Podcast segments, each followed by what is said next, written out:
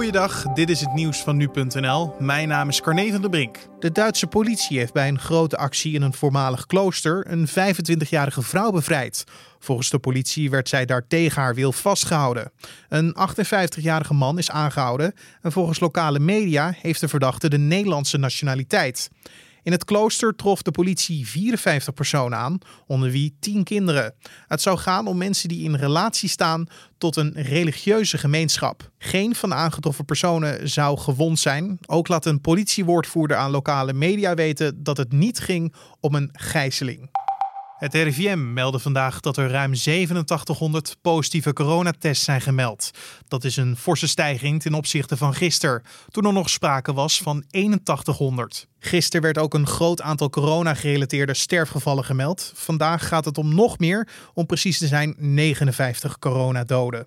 Het Landelijk Coördinatiecentrum voor Patiëntenspreiding meldt dat er 232 nieuwe ziekenhuisopnames en 52 IC-opnames bij zijn gekomen. De laatstgenoemde stijging is groter dan in voorgaande dagen, terwijl het aantal reguliere opnames al een week rond de 200 per dag schommelt. Het YouTube-account van rapper Lange Frans is vandaag verwijderd wegens herhaalde of ernstige schendingen van de community-richtlijnen van het platform.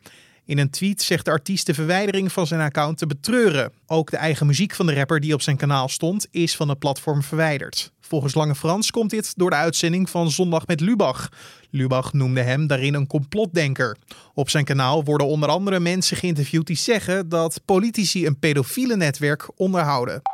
HEMA krijgt weer een nieuwe eigenaar. Het warenhuisketen komt in handen van het investeringsfonds Sparcom en Mississippi Ventures, waar de familie van Eert achter zit. Zij zijn ook de eigenaar van de Jumbo-supermarkten. HEMA kwam rond juni in handen van een groep schuldeisers. Daarvoor was de keten eigendom van zakenman Marcel Boekhoorn. Een paar weken geleden werd al duidelijk dat nog maar een paar spelers in de race waren voor de overname van HEMA. De schuldeisers wilden deze maand nog een overeenstemming bereiken. Anders zou de verkoop op een laag pitje worden gezet. En tot zover de nieuwsupdate van nu.nl.